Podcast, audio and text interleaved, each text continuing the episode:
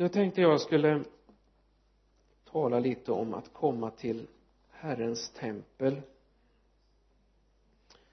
Och jag ska läsa ifrån först, andra krönikeboken kapitel 6 vers 12 till 21 till att börja med.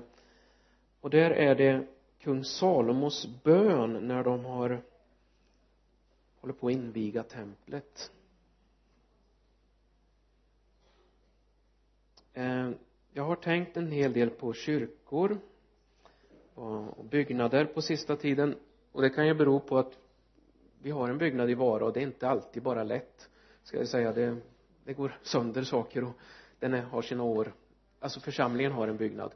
Men eh, jag tror ändå att jag har fått det här på något sätt att jag skulle ge det vidare.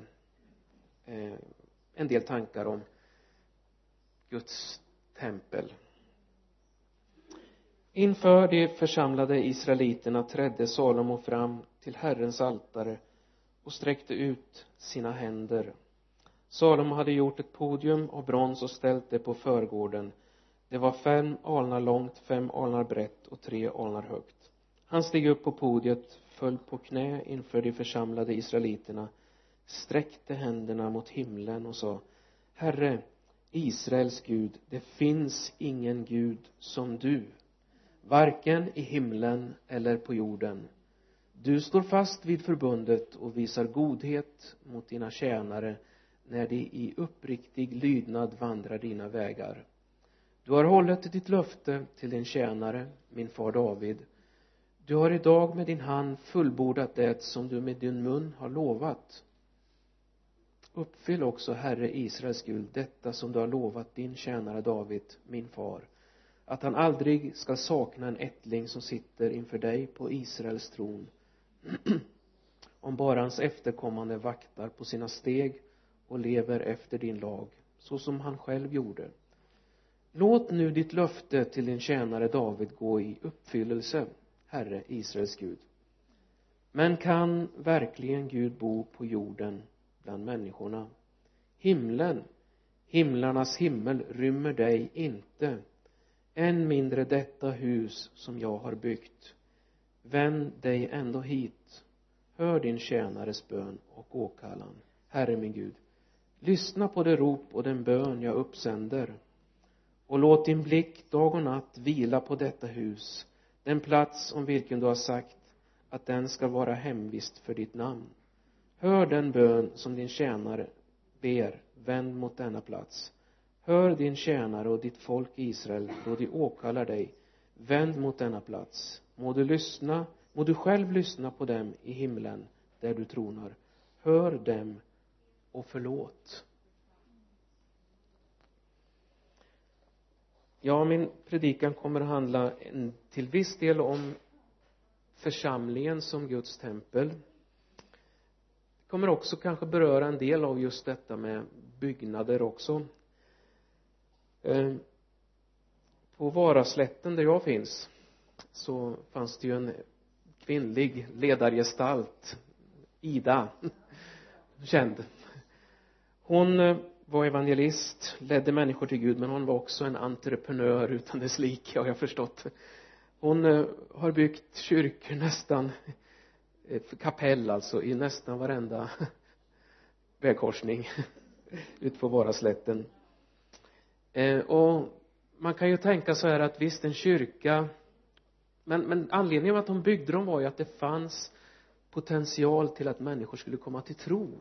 Och att det skulle behöva vara en plats där man skulle samlas för att tillbe Gud. En kyrka på en plats säger ju ändå någonting. Den ger en signal om att här finns det människor som samlas till bön och till lovsång som vill träda fram och vara ett Guds folk så en kyrka blir ju inte en kyrka egentligen förrän den fylls av liv av människor som tror. Eh, så jag är lite ambivalent det där med byggnader för byggnaden ska tjäna oss. Vi ska inte tjäna byggnaden i första hand. Bygg, eller tjäna Gud menar jag. Byggnaden ska tjäna Guds syften. Det är inte vår vision att hålla på med byggnader men vi behöver ha det för att kunna ha en plats att samlas och tillbe för att kunna betjäna på det sätt som vi behöver göra i samhället på olika sätt. Eh, sen min, min son David han går ju på Bjärka-Säby det är visst det sista året som det blir där nu. Men han har ett jättefint år och de fick göra en resa till det är ju en ettårig bibelskola. De fick göra en resa till Israel en studieresa. Och de var i Jerusalem och eh, han berättar ju jag ska ta två saker han berättade om det. Det ena var han sa att på nästan alla minnesplatser nu har inte jag varit där men en del ni kanske vet mycket mer än jag men har de ju byggt kyrkor. Och, och, och på de där riktigt så kallade minnesvärda heliga platserna så då kan det ju vara till och med att, att det är flera olika kyrkor som äger samma byggnad. Och, och det kan bli ganska komplicerat det där för någon äger taket och någon äger golvet och någon äger inventarierna. Och, för att måla golvet måste man ju ställa saker på golvet och då säger den ena kyrkan nej ni får inte ställa något på golvet där. Och, och på en del ställen är det så illa så att att de kan inte ha kristna som stänger och öppnar. De hade mus någon muslim som fick komma och släcka för annars så blir de osams. Detta är ju absurt givetvis. Ja det, det är ju liksom det, hur, hur konstigt, vilket konstigt fokus det kan bli på saker. Eh, så byggnader kan ju missbrukas. Men så berättar han också om hur de fick komma och titta på klagomuren och hur de berättar att när det kom till sabbaten så så var det tanken så här att då, då ni har sex dagar när ni får bekymra er om allt. Den sjunde dagen nu ska ni glädja er inför Herren så då då var det full glädje av alla de olika judiska grupperna och att de möttes i en i en lovsång inför Gud skap, sin skapare. Så det kan ju också finnas en samlande sak i i detta med byggnader. Sen känner jag också att jag vill ta med det eftersom det är min hemstad eh, eller ja kommun Linköping så har jag följt lite vad som har hänt inne i Pingstkyrkan där? Och det är ju ett sånt här spännande skeende de står i nu. En del av er kanske har sett det. De eh, fick ju en ny föreståndare förra året. Marcus Sönnebrant heter han.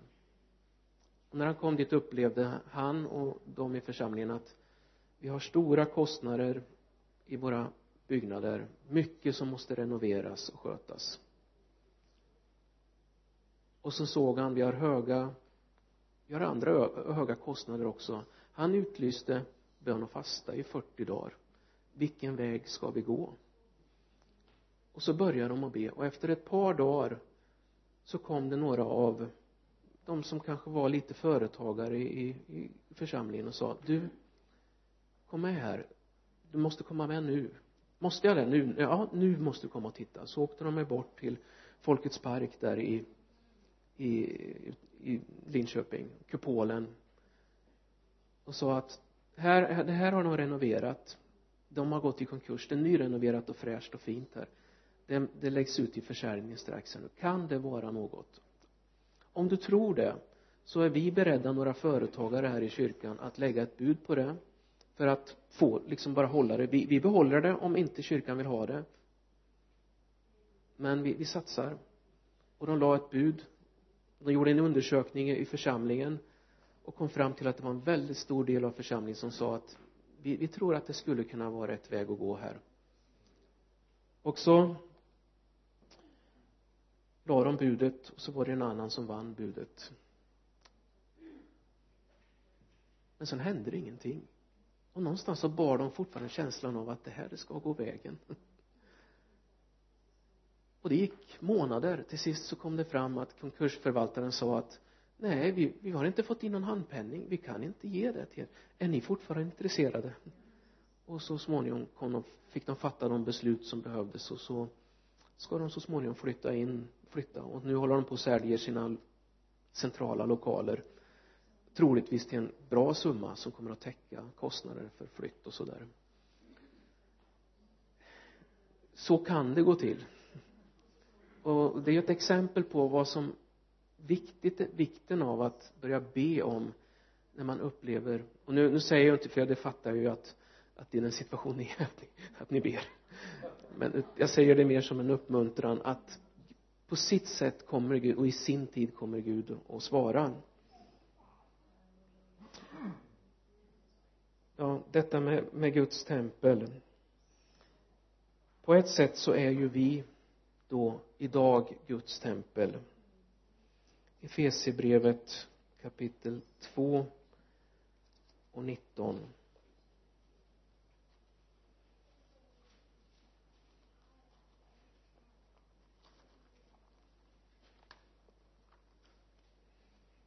alltså är ni inte längre gäster och främlingar utan äger samma medborgarskap som de heliga och har ert hem hos Gud.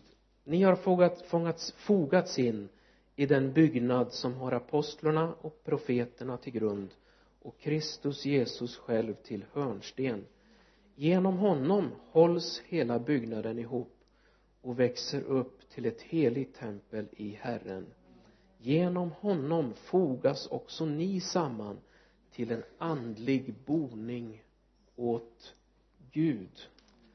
Så att säga att vi också är en del av Guds tanke om templet tror jag inte är fel där vi får vara levande stenar där vi läggs till varandra fogas samman för att bilda en enhet tillsammans där våra gåvor våra tjänster läggs ihop för att bli en plats där människor kan få uppleva Gud där vi tillsammans får uppleva Gud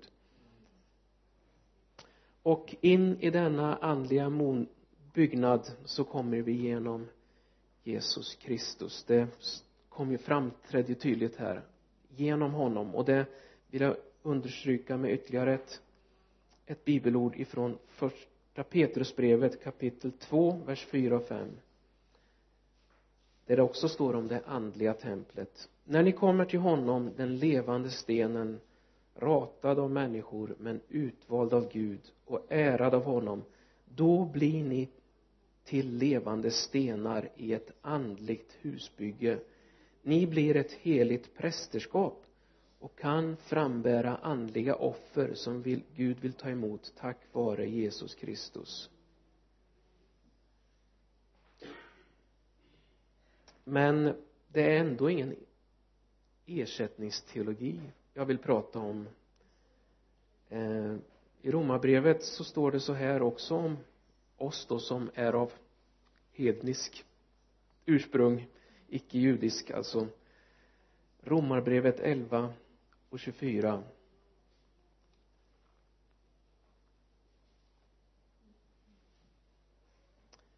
Ty om du skars ut ur den vildoliv, då liknas vi som inte är av judisk bakgrund vid vildoliver som du av naturen hörde till och mot naturens ordning ympades in på ett odlat olivträd.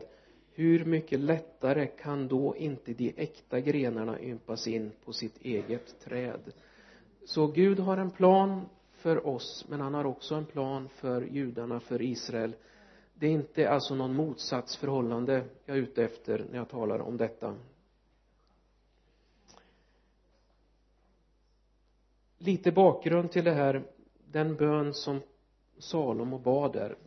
Hans pappa David som han nämner i bönen här kände ju att ja nu har jag byggt ja nu har jag byggt en boning åt mig men, men jag måste ju få bygga ett tempel åt Gud. Det kan ju inte vara på annat sätt. Och han började förbereda men så fick han ju tilltal genom profeten Natan att nej du ska inte bygga det. Du, du har fått utkämpa för många krig. Du har för mycket krig och blod på dina händer. Utan det blir din son Salomo som ska bygga det. Eh, så när tiden var inne så fick Salomo slutföra det där som David hade tänkt och börjat förbereda. Så fick Salomo ta tag i det och bygga upp det här templet. Eh, och då tänker jag så här Gud har sin tid. Rätt tid är Guds tid. Och när Jesus skulle komma till, till jorden så stod det när tiden var inne sände Gud sin son. Det var från Galaterbrevet 4 och 4 och jag tänker så här att det som ska ske i en församling det får också komma när tiden är inne. Och nu talar jag inte om att att Bengt-Olof här skulle ha eller Bengt-Arne skulle ha levt i för många krig. Men Gud har sin tid och sin tanke i det hela. Gud har sina skäl till att ibland saker och ting dröjer. Och det kan ju gälla vad det gäller kyrkobyggnader men det kan ju också gälla saker i våra liv. Att vi får ibland vänta och be och så sker det plötsligt ofta gör det ju det. När tiden är inne då liksom känner man ja nu är det dags. Nu tar vi steget.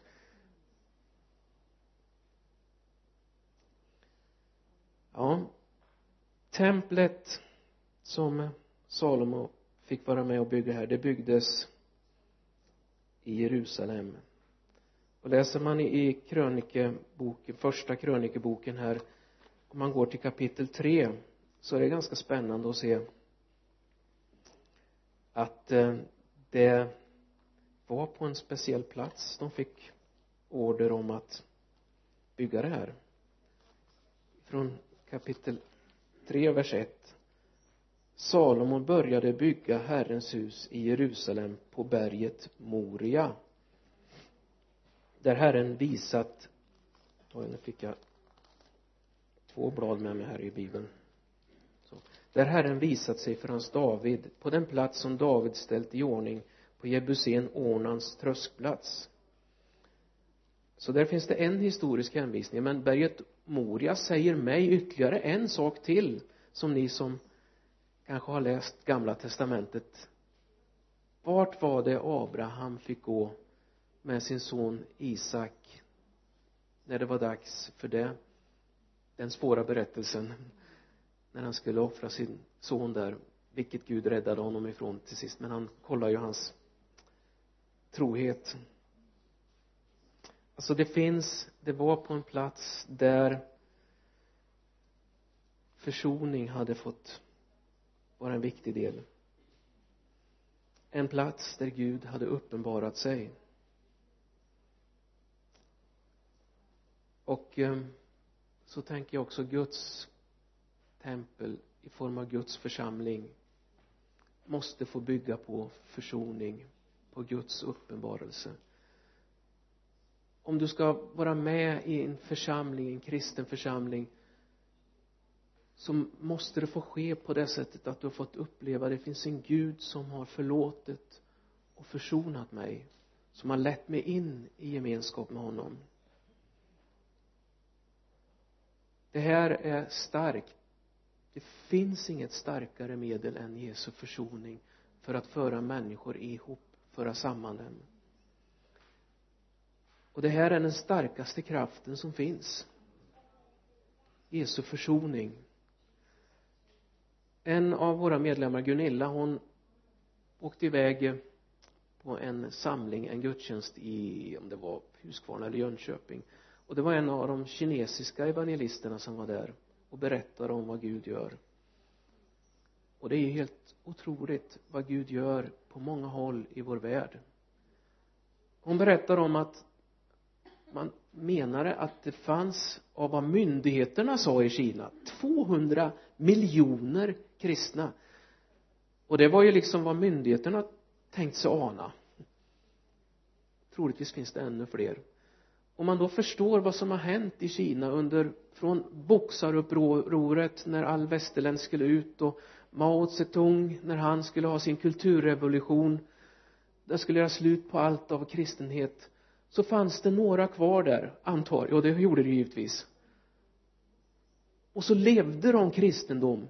Och det tempel de hade var ju inte byggnader utan det var ju vi är Guds tempel. Och så levde de ut kristendom och så växte det. Och idag så säger alltså myndigheterna 200 miljoner kristna. Utan några statliga bidrag snarare med stort motstånd så växte det. Igenom Jesu försoning Guds kraft genom den helige ande. Och det är klart då blir man ju lite förtvivlad. Vi som har så mycket har det så gott varför skulle vi inte kunna få se mer ske här? Men det kanske är så att man har förstått ännu mer att man är delar i Guds rike där än vad vi har gjort. Ja.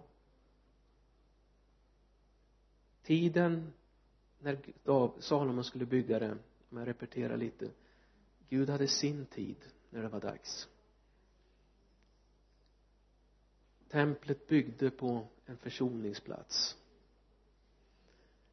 och nu vill jag titta också på några bitar av då kung Salomos bön där som jag jag tänker mig så här att när man inviger ett tempel och när man ska be och den här bönen till och med skrivs upp så bör det väl ha varit så att man hade nog tänkt till lite eller Salomo hade nog känt att det här är viktiga saker att be om när det här ska få vara ett tempel i funktion och då tänker jag att då kanske det är något som också är viktigt för oss att kunna ta till sig.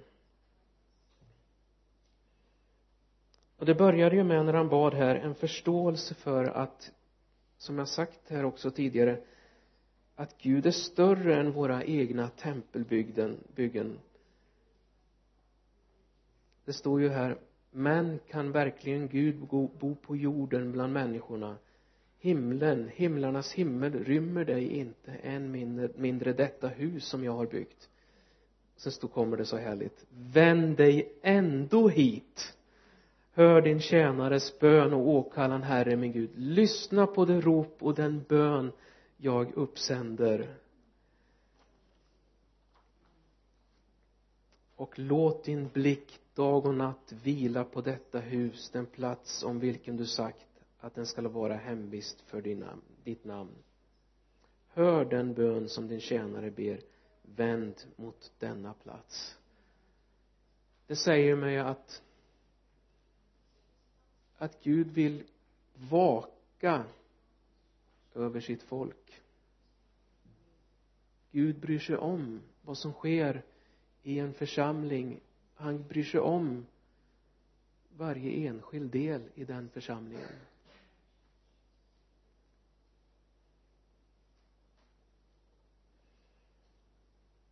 Och nu vill jag ta med några av de bitarna som han tar med i sin bön. Och jag ska läsa från vers 22 där till 23 om någon förbryter sig mot en annan och åläggs att fria sig med en ed och svär inför ditt altare i detta tempel hör det då i himlen. Grip in och skipa rätt åt dina tjänare. Döm den som är skyldig och ge honom det straff han förtjänar men frikänn den som är skyldig och ge honom vad rättvisan kräver. Jag talade om, om försoning i vågrätt hänseende förut. En försoningsplats. Men Gud vill också försoning lodrätt mellan människor. Guds församling ska få vara en plats där vi försonas. Och det var ju precis det du sa Bengt-Arne tänk om visionen för Serbien här det här bygget får det bli en plats där romer och serber möts. Gud är större än folkslag på det sättet. Han vill samla alla till sitt namn.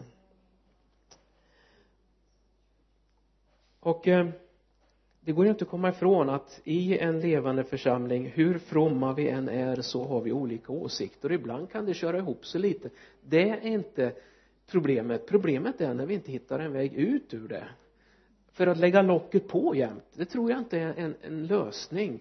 Så bubblar det och kokar det där inne och till sist så exploderar det och då kan det bli väldigt det är bättre att få få säga när man har olika saker och få ta hand om det. Det står så här i första Korinthierbrevet 6 och 3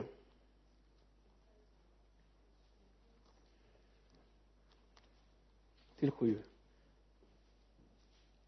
han är lite tuff där Paulus. Vet ni inte att vi ska döma änglar? Då bör vi väl klara av våra vardagliga tvister. Men när ni nu har sådana tvister tar ni till domare folk som församlingen ser ner på. Ni borde skämmas. Finns det då ingen bland er som är klok nog att döma mellan två kristna bröder? Istället processar broder mot broder och detta inför otroende. Redan detta att ni det att ni processar med varandra är ett nederlag för er. Varför finner ni er inte hellre i en oförrätt? Varför tar ni inte hellre en förlust? Ja Guds tempel som en plats där kristna bröder och systrar får finna varandra och komma till rätta med varandra. Jag kör ju buss och jag kör ju neråt Fåglavik eh, det är småvägar. Och så plötsligt möter man en timmerbil. Och då kan man ju sitta och dividera vem av oss är störst och ta fart. Men det är ju inte kanske lösningen på det hela. Utan det är ju att se lite framför med lite framförhållning. Okej okay. ser han det? Ja men där är en liten ficka jag kan köra innan undan eller backa tillbaka dit så gör han det. Och gör, gör likadant som gör jag det. Det är bättre. Så kan man smidigt komma förbi varandra. Så så hittar man en lösning på det hela. För att ingen vinner på att bli stående där och hacka och titta på varandra och se snett på varandra det finns ju också en sån där berättelse om, om bergsjätterna någonstans om det är i Himalaya eller när de möts på sån här gångstig där det inte finns någon annan plats så sägs det ju att att den en av dem helt enkelt lägger sig ner bara och så får den andra gå över. För de förstår att börjar de bråka där så riskerar båda att falla ner. Det finns alltså situationer när vi måste få reda ut saker men vi måste hitta vägar igenom det. För Guds rikes skull så behöver vi samla våra krafter för att göra det som är rätt och riktigt, ha rätt fokus.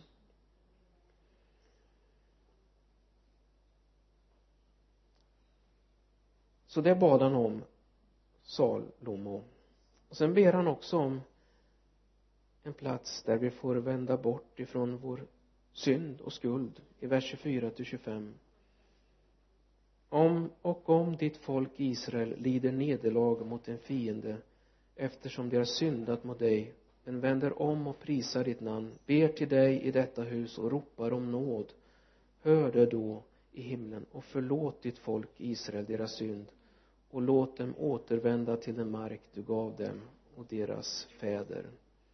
En plats där vi får bekänna både vår synd och eh, vårt lands synd. Jag tror att det är välbehagligt inför Gud när vi träder fram inför honom. Med lyfta händer och ropar om förbarmande. Vers 28 när vi kommer i trångmål av olika anledningar.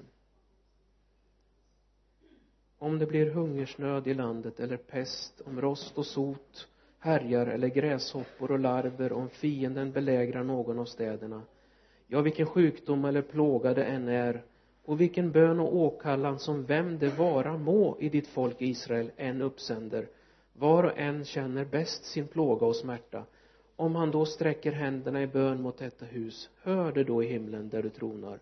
Förlåt honom och behandla var och en som han förtjänar. Du som känner hans tankar ja du ensam känner människornas tankar. Tänk att tillsammans få träda fram med det som ligger på våra hjärtan på saker vi bär till en levande Gud som har lovat att höra oss och gripa in.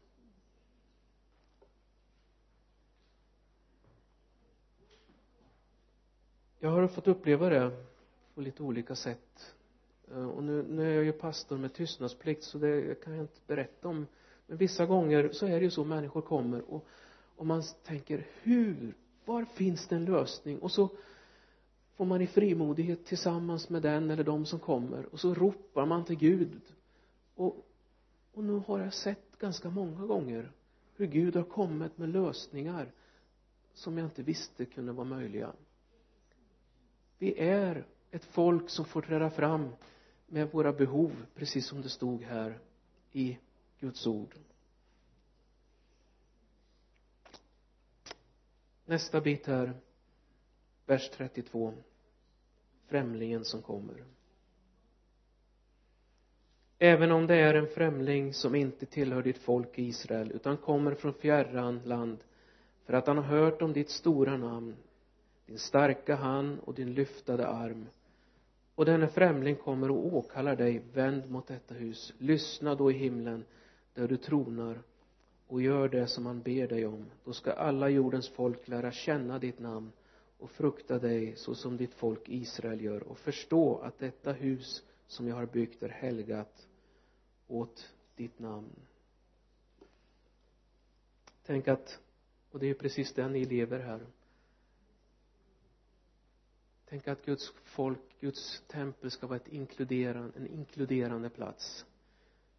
Dit människor får känna här är jag välkommen. Hit får jag komma.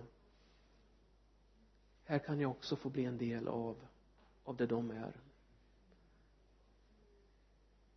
Du ska inte bära sådana tankar om att tänka att ja de de är så duktiga eller de är så du du är välkommen dit. Det står här främlingen som på något sätt hade drabbats av Guds kärlek är välkommen in. Välkommen hem. Välkommen att vara med och be. Få uppleva försoning förlåtelse. Uppleva en bönhörande Gud som hör oss.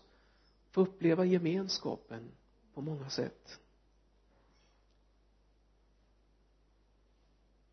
Och det finns ju ett fantastiskt exempel på det. Jag ska inte läsa hela det men i apostlagärningarna där den etiopiske hovmannen det står att han kom, hade kommit till templet för att be. När Filippus fick uppdraget att ge sig ut på den öde vägen där. Apostlagärningarna kapitel 8 och vers 26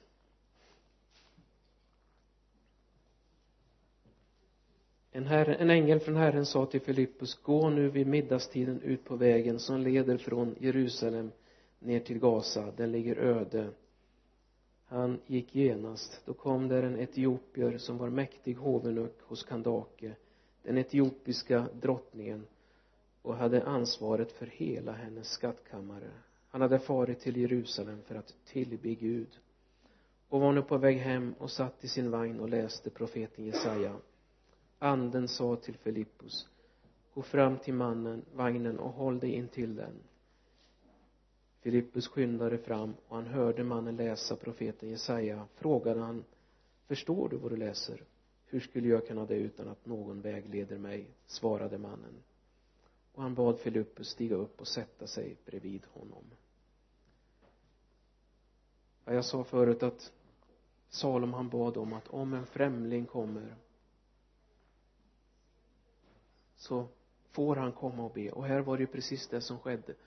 Jag tänker mig att den här etiopiske hovmannen han hade ju säkert hört om kanske genom historien genom en drottning som har besökte Salom en gång i tiden kanske. Kanske han hade hört rykten om vad Gud hade gjort. Så tänkte han tänk om jag kan få komma och få bli del av det Gud gör så tänker jag mig att han kommer då till till templet i Jerusalem till hedningarnas förgård. Och där är det kanske full kommers. Jag vet inte hur mycket Jesu inverkan hade det när han rev ner månglarnas bord men de hade kanske en tendens att komma tillbaka jag vet inte. Och så kanske han med för dyra pengar fick tag i profeten Jesaja och ju dyra dokument detta sen sitter han och tänker hur ska jag få ett grepp om det här? Hur ska det få bli en del av mig? Nu har jag åkt hela den här vägen och jag har ännu inte känt något. Jag har inte förstått det riktigt. Och så bryr sig Gud så mycket om honom att han sänder en person dit. Så får han leda honom till tro. Salomo bad för främlingen som skulle komma tänk om Gud också sänder dig och mig till någon till någon som är på väg som längtar. Och till sist stod det där i kapitel 7 vers 1 när Salomo hade slutat sin bön kom eld ner från himlen och förtärde brännoffret och slaktoffren Herrens härlighet uppfyllde templet prästerna kunde inte gå in där eftersom Herrens härlighet uppfyllde templet. När israeliterna såg hur elden och Herrens härlighet kom ner över templet knäböjde de på stengolvet med ansiktet mot marken och tillbad och tackade Gud. Ty han är god evigt varar hans nåd.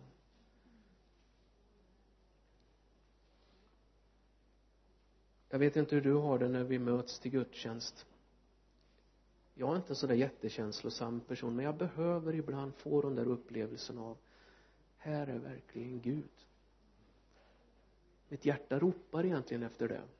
Jag behöver få på sätt och vis se och känna att Gud är god att hans härlighet är här. Och ibland sker de där sakerna. Det kan liksom bara och det kan vara ibland vara ganska oväntat. Vi har ju våra soppluncher. Jag tror det var nu sist när vi hade vi hade sjungit några sådana här gamla kända väckelsesånger. Och så bara känner man plötsligt nu är det något som sker här.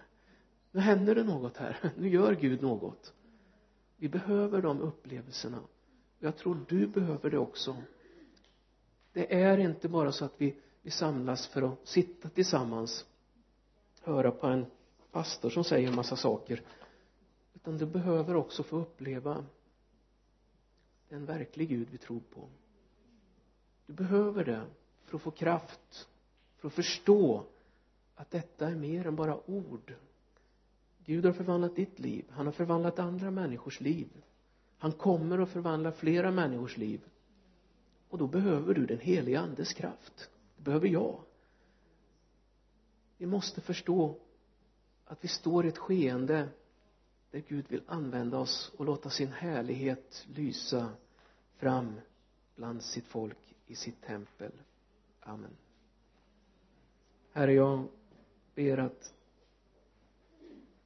att vi skulle få vara ett folk som träder fram. Tack att vi fått göra det och fortsätta göra det. Be till dig om att du som inte vi kan fånga i en, en boning ändå skulle vända ditt ansikte till oss att du skulle leda oss till försoning med dig. Leda oss till försoning med varandra herre. Att du skulle se våra hjärtan vad de ropar till dig om herre. Våra behov allt det som drabbar oss herre. Att vi skulle få se främlingen som kommer och söker dig få bli införlivad i gemenskap och glädje herre. Tack Jesus och att vi skulle få uppleva stunderna när du möter oss med din härlighet som bara du kan herre. I Jesu namn, amen.